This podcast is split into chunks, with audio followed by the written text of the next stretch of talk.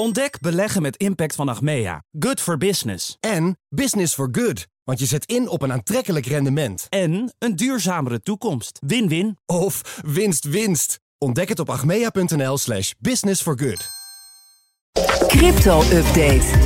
Herbert Blankenstein is bij ons. Goedemorgen Herbert, presentator van BNR's Cryptocast. Ons programma over bitcoins en andere digitale coins. Ja, 1000 dollar van de bitcoin-koers af. En voor het eerst sinds half maart staat hij onder de 25.000 dollar. Wat is daar nou weer de, de reden van? Nou ja, er was nu net geen renteverhoging aangekondigd gisteren door de Fed. Dus dat kon het niet. Maar dat was geen verrassing. Het ging er meer om dat erbij werd gezegd dat we niet moesten denken dat er geen verhogingen meer zouden komen. En dat vond de markt duidelijk teleurstellend. Um, Trouwens, 4% eraf, dat valt wel mee hoor. Uh, die 1000 op de 25.000. Um, maar dit jaar begint wel weer erg te lijken op 2019. Toen had je ook een uh, flinke koersstijging aan het begin van het jaar. Daarna kwam een half jaar van dalingen tot ruim min 50% van het hoogtepunt van het jaar. Dus het kan nog alle kanten op, maar zeker ook nog omlaag. Hmm.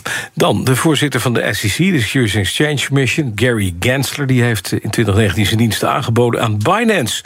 Dat is de cryptobeurs, dezelfde cryptobeurs die op dit moment keihard aan het vervolgen is.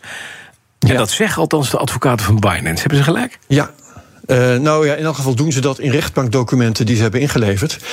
Uh, Gensler was uh, destijds in 2019 hoogleraar aan het MIT, het Massachusetts Institute of Technology.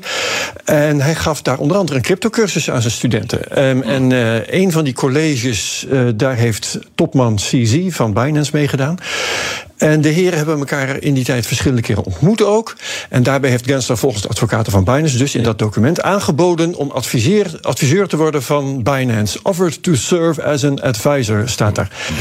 Um, en de advocaten van Binance vinden dat daar een belangenconflict ligt. En dat Gensler zich niet meer met deze zaak zou mogen bemoeien. Ja, handig pleidooi lijkt me dat, maar dat moet je dan wel bewijzen. Gaat het een rol spelen in die zaak ja. van de SEC tegen Binance? Uh, nee, dat denk ik niet. Nee, juist omdat uh, Binance geen zwart op wit bewijs ah. heeft, hè, alleen maar een verhaal. Um, en als het al waar is, dan is het nou juist niet tot een zakelijke relatie gekomen. En dan zou je dus ook kunnen volhouden. Dan is er juist geen probleem met belangen. Um, dit ziet er volgens mij uit als een poging om een beetje te morrelen aan de geloofwaardigheid van de tegenstander. Dat heb je wel vaker natuurlijk in rechtszaken in Amerika.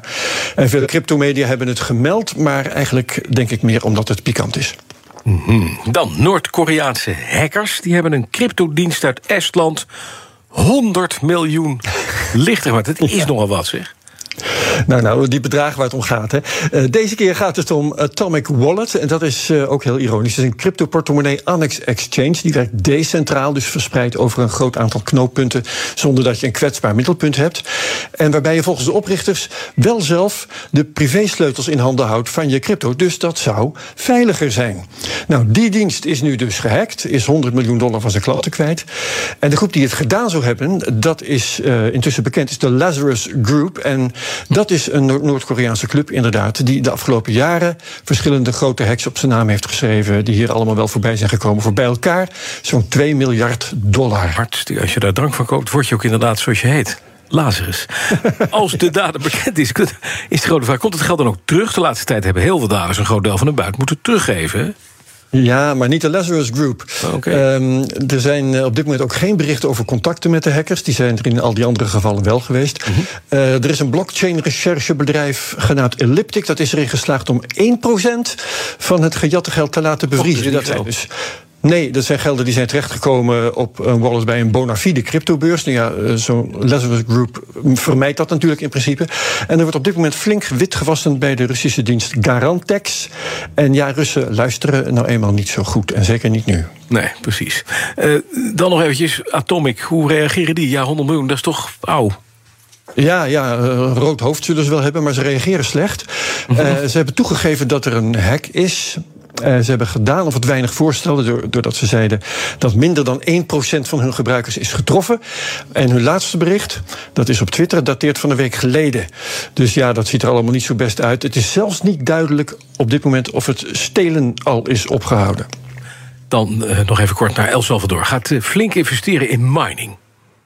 Ja, en uh, ze hadden daar plannen om bitcoin-obligaties uit te geven. Dat weet je misschien nog. Een miljard om een uh, bitcoin-stad te bouwen op ja. een vulkaan. Ja. ja, mining op aardwarmte uit die vulkaan. Er is niks van gekomen. Uh, nu is er wel 250 miljoen opgehaald. Onder andere van Tether. Dat is het bedrijf van de stablecoin. Dat Ja. anderhalf miljard winst ergens moet zien op te bergen. En ze willen een miningfaciliteit bouwen op energie uit zon en wind. 241 megawatt aan panelen en windmolens. En dat zou dan een van de 20 grootste miningorganisaties ter wereld worden. En Tether heeft dat bevestigd, dat ze meedoen, maar niet voor hoeveel. Maar die vulkaan die wordt dus niet meer genoemd. Die is uh, klaar. Nee, die vulkaan is uit beeld. uitgebarst. Het enige wat eraan herinnert, is wel grappig, is de naam van het... Ja. Ontploft, ja. Ja. is de naam van het nieuwe bedrijf, want dat heet wel Vulcan Energy. Ja. Maar dus eh, panelen en wind. En zelf denk ik nog altijd eerst eh, maar zien en dan Dan geloven. geloven, precies. Dan vulkanen. Wat zit er in de CryptoCast deze week? De rechtszaken van de Amerikaanse toezichthouders doen we nog eens even eh, tegen al die cryptobedrijven. Wanneer is een crypto een goed, wanneer een belegging? Wat beweegt de SEC en de CFTC? Wat betekent hun offensief voor de aangeklaagde bedrijven, voor de cryptomarkt, voor Amerikaanse cryptokopers niet te vergeten en ook voor de Verenigde Staten als cryptoland? En we doen dat met de beide gebroeders Slachter, Bert en Peter, want die zijn altijd goed op de hoogte en ze zijn heel goed in het uitleggen van moeilijke dingen. Dankjewel, Herbert Blankenstein. Alle afleveringen van de CryptoCast te horen via de BNR-app. De crypto-update wordt mede mogelijk gemaakt door Bits, de Bitcoin-spaardienst van Bitonic. Ontdek beleggen met impact van Achmea. Good for business. En business for good. Want je zet in op een aantrekkelijk rendement. En een duurzamere toekomst. Win-win. Of winst, winst. Ontdek het op agmea.nl slash business for good.